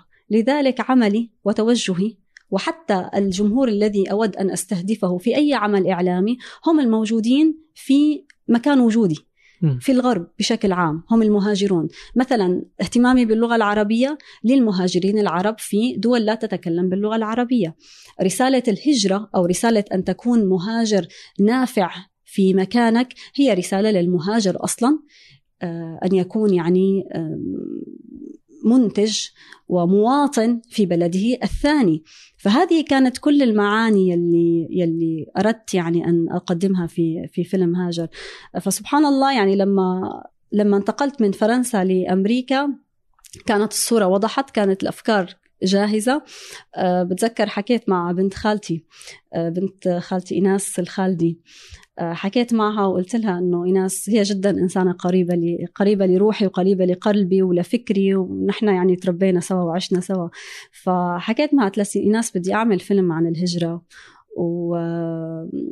وحكيت لها يعني شو الأفكار يلي يلي ببالي وأعتقد أرسلت لها وقت النص أو هيك. فكانت هي بالمقابل كانت كاتبة آه، آه، نص اسمه علمتني الغربة. وحاكية فيه أيضا معاني جميلة جدا على الغربة هي تعلمتها آه، لما كانت في الإمارات. أيضا هي طلعت اغتربت على الإمارات ودرست فيها وبعدها طلعت على ألمانيا. ف... فأرسلت لي اياه فأعجبني كثيرا. يعني كان في كثير من الأفكار يلي يلي يلي فيه في النص. فقلت لها إني بدي آخذ من النص اللي كتبتيه وبدي آخذ من الأفكار. وطلع فعلا. يعني طلع النص هاجر والحمد لله رب العالمين. أنا نفسي ما توقعت إنه يكون يعني بهذا النجاح يمكن أكثر طيب. من 15 مليون مشاهدة إلى اليوم بهذا بهذا الحد يعني اي لربما إنك لامستي يعني عواطف كثيرة من في الخارج فلعله إنه طبطب على المهاجرين أكثر من دعوة الناس للهجرة بس بس أنت تقولي إنه أنت كنت تدعين المهاجر إلى المنفعة في وطنه في بلده الثاني نعم. بس ماذا عن وطنه يعني؟ أثر الإنسان لابد أن يصل ليس فقط إلى البلد الأصلي لكل مكان. اليوم مثلا لما أحد آه، في الأردن يقول لك أعطيني مثال لشخص أو لمسلمة عربية آه، نجحت وتميزت في أمريكا. بعض الناس سيشير إلى سيرين حمشو بعض الناس سيشير إلى اسم آخر. بمعنى أن الجنسية لا تفيد فيما بعد. يعني ينظر اليوم الناس إلى إلى إلى يعني لديه نظرة شمولية اليوم عن عن عن القدوات أو عن الأثر. اليوم مثلا لما أتكلم من هي أش من هي أشهر امرأة في العراق؟ من هي؟ زها حديد. زها حديد. أين كانت تعيش زها حديد؟ بريطانيا. في بريطانيا وليس في العراق لكن اليوم جميع العراقيين بيرفعوا رأسهم بيقولوا زها حديد هذه عراقية. لك حتى ستيف جوبز لما يذكروا عنه بيقولوا أصله حمصي. فيعني موضوع موضوع الأثر أعتقد سيصل ويرفع همم كثير ويعني سيجعل كثير من الناس يعني يعطيهم هذا ال motivation أو هذا ال inspiration لحتى يكونوا إيه بس إذا كلنا طلعنا يعني من ينفع الأوطان؟ ما رح نطلع كلنا. ما رح نطلع كلنا. يعني في ناس جالسين وفي ناس قاعدين. مقامك حيث أقامك. هذه قاعدة أخرى لي. مقامك حيث أقامك. أنا اليوم موجودة في أمريكا علي أن أبذل جهدي وأتميز في هذا المجال. ممكن غدا أروح فرنسا سأحاول أن أجتهد وأكون وأتميز وأن أصنع شيء للبلد اللي أنا فيه. عدت إلى سوريا طبعا سأقوم وأتميز وأفعل ما أستطيع أن أفعله لكي أخدم هذه الأرض وكي أخدم العباد. فهذه هي القاعدة. أوكي. وش تعرف الوطن بالنسبة لك؟ الوطن آه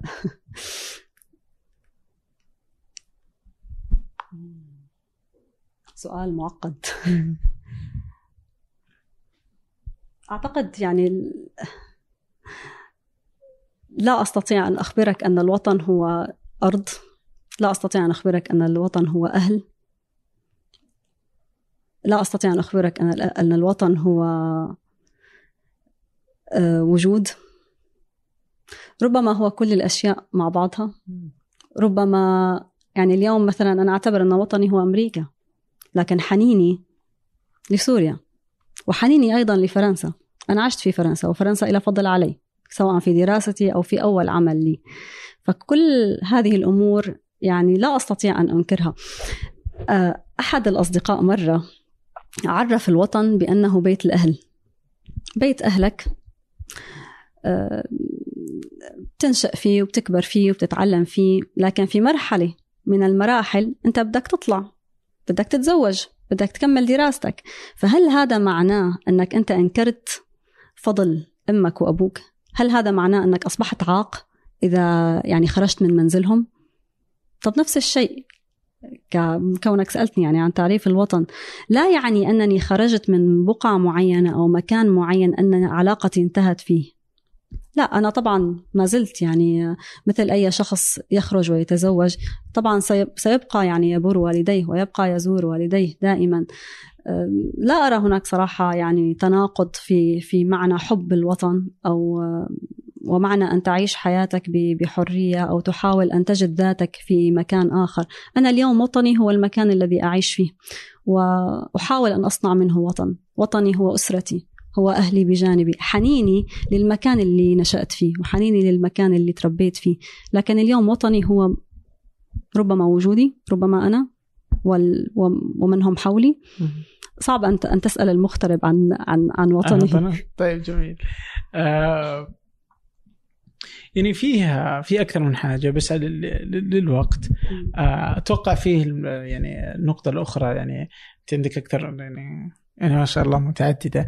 آه ففيه انت درستي برضو الشريعة ك كاهتمام. كنت تقولي انه درستي الهندسة لأنه أنت جالسة تدرسي شيء يعني لأجله لكن أنت كنت مستمتعة في دراسة الدين والإسلام آه كمتعة يعني. آه فكثير من عندي عندك كثير من النقاط يعني. واليوم أنت تنتقدي آه أشياء كثيرة وعندك مفاهيم مختلفة. لكن ودي أركز على مثلا أكثر من نقطة هنا. فتقولي مثلا في أكثر من حاجة بس بما إنه أنت قبل شوي تتكلمي عن الوطن والمكان الآخر اللي هو هنا مثلا أمريكا آه والدين اللي هو برضو شيء مهم بالنسبة لك. فكنت تقولي إنه هناك صورة نمطية خاطئة عن الدين بسبب الإعلام الغربي اولا. هذا مفهوم وما عندي مشكلة معه. نعم. أوكي؟ بعدين تقولين ثم المسلمين أنفسهم ثانيا. شلون؟ من أين أحضرت هذا التصريح؟ آه. هو صحيح نعم أنا قلت هذا وأقول دائما أن هناك صورة نمطية لكن هذه الصورة يساعد في إنشائها شريكين المجتمع والمسلمين أنفسهم وهنا أعني بهذه الصورة النمطية تقوقع المسلمين على بعضهم عدم اندماجهم في المجتمعات تمسكهم بأفكار أو بقناعات معينة آه، أثبت يعني أثبت الوقت وأثبت يعني الظروف أنها لا تفيد بل العكس تضر. يعني مثلا آه، هلا أنت ستضعني في ورطة اليوم؟ يلا ما مشكلة يعني سأعطيك مثال. في فرنسا مثلا قبل أن يمنع النقاب وقبل أن يمنع لما منع النقاب منع معه الحجاب أيضا. العتب يعني نحن كمسلمات كنا في فرنسا كنا نعتب كثيرا على يعني أخواتنا المنقبات أن لا يأخذوا بأشد الآراء الدينية في فرنسا كي لا يحرمونا نحن من حق الحجاب. يلي صار إنه وطبعا نفس الشيء يعني كنا نخاطب الأهالي يلي يرسلوا أبنائهم. يعني كان في أهالي كانوا يرسلوا أبنائهم بنت عمرها صف أول ست سنين سبع سنين ثمان سنين محجبة في فرنسا وهي وحيدة تكون مسلمة وسط كل هالاطفال وهي طفلة عمرها خمس سنين وست سنين. يعني شرعا هي غير مطلوب منها الحجاب. طبعا هذا الشيء أنت لما تتحدث عن موضوع حجاب في دوله في دولة لائكيه مثل فرنسا يعني أنت تقابل التشدد العلماني بالتشدد الديني. آه، صاروا يجيبوا البنات ويسألوهم انت ليش متحجبة؟ البنت تقول لهم لأنه بابا بده ياني يتحجب لأنه ماما بدها ياني يتحجب.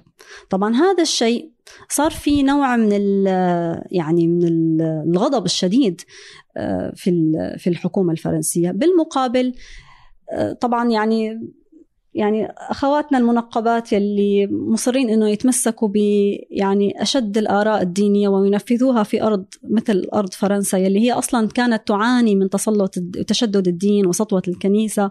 هذا الشيء طبعا جدا أثر في يعني هذا ضرره كان لنا نحن. منع النقاب ومنع الحجاب.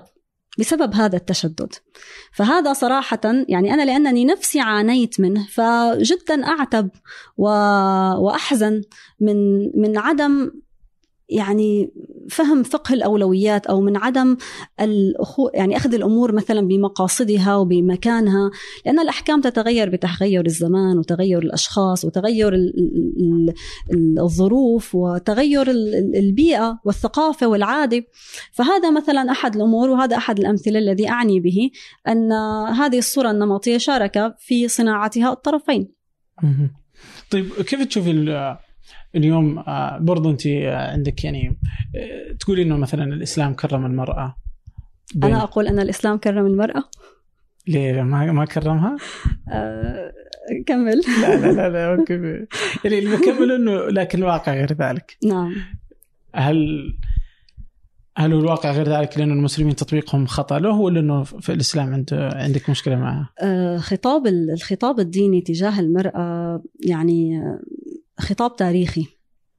يعني اليوم نخاطب المرأة بخطاب عام 1000 ما في 1000 620 625 وما زلنا نخاطب المرأة بنفس الطريقة وبنفس النظرة وكأننا ننظر لها يعني ب كشيء يعني وحدث من التاريخ. وهذا الخطاب لم يتغير.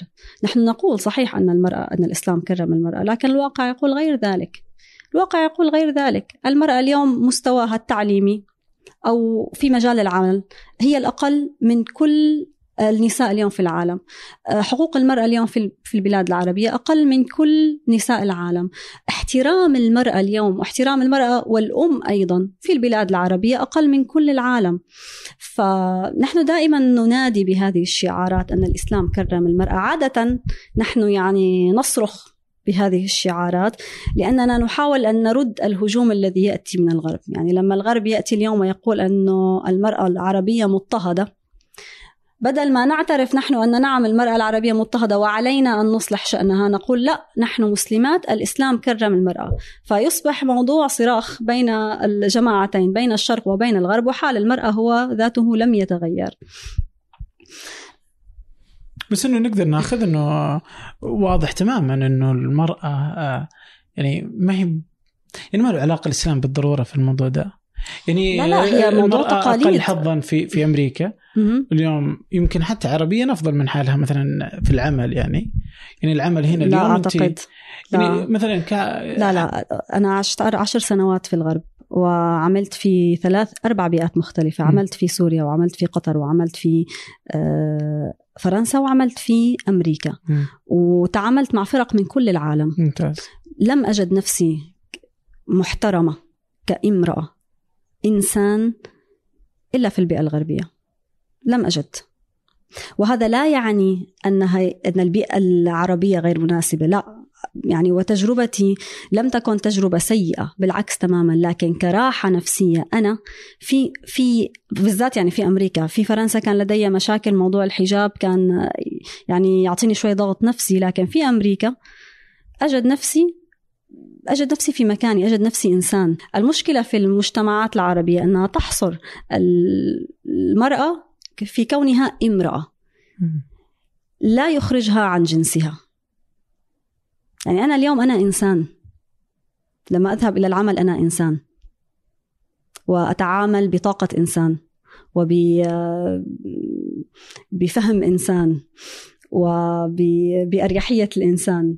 في العالم العربي أنا امرأة. علي أن أبقى داخل هذا الإطار. علي أن لا أخرج من كوني امرأة. بفهمي بإدراكي. ولا أعتقد يعني ولا أقصد هنا التقليل من الشأن وإنما التقييد في الجنس كونا عن الإنسانية. ف ما بعرف إذا وضحت الفكرة بشكل جيد لكن لا أنا أجد نفسي اليوم مرتاحة جدا ك... ك... يعني كشخص يعيش في... في أمريكا ويعمل في أمريكا. حتى لما كنت أختار المشاريع اللي بدي أعمل فيها سواء مشروع في عالم عربي أو عالم غربي أختار المشروع في عالم غربي. آه. أجد نفسي مرتاحة أكثر يعني لما أشرف على ال ال الأمريكان وأقودهم مثلا أذهب بهم إلى الحقل. مثال طيب بالمثال يتضح المقال. يعني إيش اللي صار مثلا؟ شيء أه. تشوفين أوه هذا الموضوع ما راح يحصل إلا عربيا مثلا. أه يعني أجد ما زالت اليوم النظرة للمرأة في العالم العربي محصورة في جنسها وليس في إنسانيتها. وهذا ليس خطأ يعني شخص ما أو دولة ما. على العكس المشكلة هي مرة أخرى هي مشكلة الخطاب الديني الذي إلى اليوم يعني يخاطب المرأة على أنها مجموعة من الأحكام الشرعية التي تمشي على الأرض. حتى أنها أخرجت من ذاتها كإنسان وبدأت يعني طريقة مخاطبتها على أنها أحكام عليها أن لا تفعل كذا لا تفعل كذا. هناك صورة متخيلة عن المرأة المسلمة وهي صورة جد جدا يعني فاضلة وجدا أفلاطونية لا يستطيع أحد أن يصل لها. والمشكلة أن المرأة دائما تعامل ويطلب منها أن تصل لتلك الصورة المستحيلة. عليها أن تكون يعني أن تحقق كل السمات الرائعة والعفيفة والجميلة. يعني يريدون المرأة أن تكون آه، عفيفة. وشريفة ومحجبة ولطيفة وحلوة. وبنفس الوقت تريدون أن تكون يعني الأم والمربية والفاضلة والمجتهدة والمعلمة والناجحة والمحافظة على أسرتها وبالمقابل ناجحة في مجالها المهني. ويريدونها مع زوجها أن تكون يعني هذه الفتاة الجميلة المبهرة فتاة الليل معه ليلا ونهارا هي العفيفة مرة أخرى وتدور الدائرة. هذه صفات ليست صفات كائن بشري إيه، لكن مع ذلك ما زال يطلب من المرأة أن تكون ذلك. يعني حتى نشوف أحيانا ممكن آه، أنه يستخدم الدين يعني نفسه آه، في آه، في يعني زي آخر حاجة الظاهر اللي هي قتل إسراء. بحجة كذا شرف دين أشياء أنك تروح تزهق يعني حياة إنسانة. يعني لأنه بحجة شرف مثلا. فما على المرأة على المرأة يعني وعادة لما تكون المجتمعات تعيش في نوع من التخلف الفكري والديني طبيعي أن تكون هذه هي النتائج. عادة إذا أردت أن تنظر إلى دولة أو إلى نهضة أمة انظر إلى حال النساء فيها. إذا كانت حال النساء فيها آه، إذا كانت المرأة مكرمة معززة تكون تكون نهضة.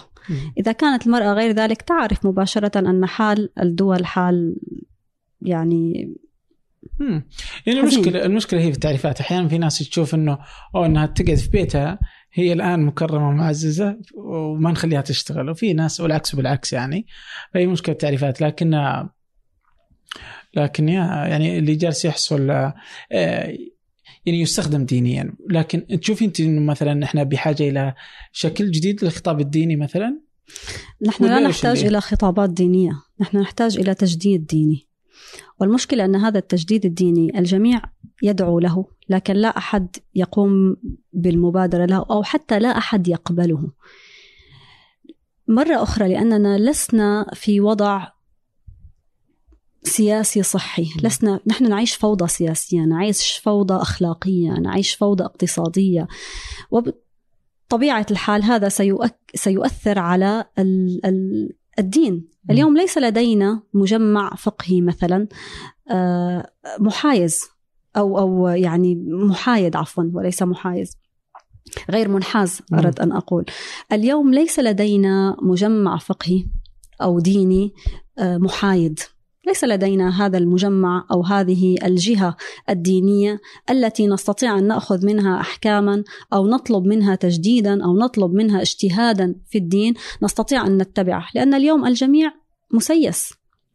وعلينا أن نعترف بذلك. وهذه طبعا الفوضى التي تحصل في العالم العربي أثرها يأتي إلينا لأن حتى العلماء هنا إن صح يعني وجودهم لا يأخذون ولا يجتهدون ولا يتجرؤون على حتى إصدار فتوى بدون الرجوع إلى ألف سنة إلى الوراء ودراسة كتب الفقهاء في المنطقة العربية والاستناد لها حتى يقوموا بإصدار فتوى.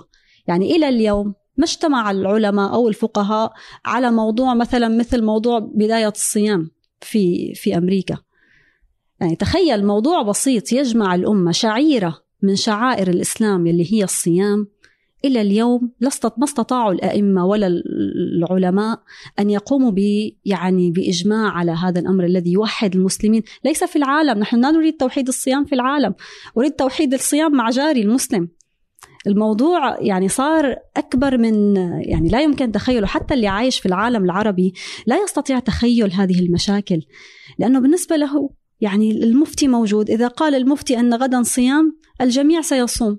حتى لو كانوا غير راضين. أو حتى لو كانوا غير مقتنعين أنه في صيام أو أنه آه، يعني شاهدوا الهلال أو لا المشكلة هنا لا يوجد هذا المجمع الفقهي أو هذه الجهة الإسلامية الذي يجتمع عليها الجميع، فتجد المغربي يريد أن يرى الهلال، وتجد السعودي يريد أن يصوم مع السعودية، وتجد السوري يريد أن يصوم مع سوريا، وتجد آه، واحد يتبع الحساب، وواحد يعني صارت فوضى كبيرة. أنا اليوم أحزن أنه في المدرسة مدرسة ابنتي يعني هي الوحيدة وحيدة كانت المسلمة في الصف. يوجد في الصف الثاني مسلمة أخرى. تخيل أنه نحن مثلا نحن نتبع الحساب لأنه في تيسير على الأمة وفيه يعني إجماع ويعني فيه فيه تيسير على الأمة كما قلت لك وفيه إجماع. فمثلا هذا مثال نتخيل في المدرسة. يوجد فقط آه، طفلتين مثلا مسلمتين. ومع ذلك لما يطلبوا إجازة كل وحدة بتطلبها بيوم واحدة بتطلبها يوم لأنه هي على حساب واحدة تانية بدها تقول للمشرفة لا انتظري لحتى بابا يقول لي إمتى بدنا نصوم بجوز نصوم اليوم بجوز نصوم نعيد بكرة. فهذه الفوضى الكبيرة يعني صارت مزعجة بالنسبة لنا وأثرت علينا وسببها أنه ما في اتفاق بالعالم العربي ما في جهة فقهية وجهة دينية محايدة في العالم العربي ولا حتى في العالم الغربي. اليوم كل مسجد تجد يعني إمام المسجد يصوم على كيفه. كنا في في في منطقة اسمها نسكيونا في في نيويورك. كنا نعيش في منطقة فيها مسجدين. منزلنا يبعد عن كل مسجد عشر دقائق. يعني بنفس المنطقة تخيل. منزل أو مسجد يصوم على الرؤية ولا يتبع أي شيء عليه أن يعني يرى بي بي بي بعينه الهلال. ومسجد آخر يصوم على الحساب. ولك أن تتخيل مقدار الفوضى اللي يعيشها المسلمين. صار بدنا نتصل بجيراننا أو بأصدقائنا. أنتم مع أي مسجد رح تصوموا؟ مع مشان نعرف بدنا نعيد يعني بدنا نعيد ما بدنا نعيد لحالنا بدنا نعيد مع أصدقائنا. فهذه مشكلة مثلا هذه مثال بسيط على الفوضى اللي نعيشها. طبعا ما بالك بموضوع المرأة. ما حدا فاضي اليوم يحكي بمشاكل المرأة. ف يا أفهم والله يعني كيف كيف ممكن زي كذا لخبطة يعني. بس يا يعني خلينا نشوف إيش إيش اللي ممكن يصير. يعني الحقيقة الحديث معك يعني رائع وكل نقطة الحديث فيها نقدر ناخذ فيه ساعات وساعات لكن وقت آه، يعني يعني لازم الحق القطار. أهلا وسهلا. فلازم أشرد الآن. آه فيعطيك العافية. شكرا جزيلا أهلا وسهلا يا عبد الرحمن. الله يعطيك العافية. أسعدتني وأشرفتني الناس تقدر تجدك موجودة على في قناتك في اليوتيوب آه موجودة على آه إنستغرام وبقية الشبكات الاجتماعية. خلاص كل كل ما تحدثنا عنه كل المقاطع بتكون بإذن الله في وصف الحلقة. فشكرا لك. أهلا وسهلا فيك. يعطيك العافية. أهلا. شكرا لكم. شكرا للإعداد ريما طلال آه وفي التحرير آه، صالح بسلامة وفي إدارة إذاعة ثمانية مازن العتيبي. هذا فنجان أحد منتجات شركة ثمانية للنشر. الأسبوع المقبل ألقاكم.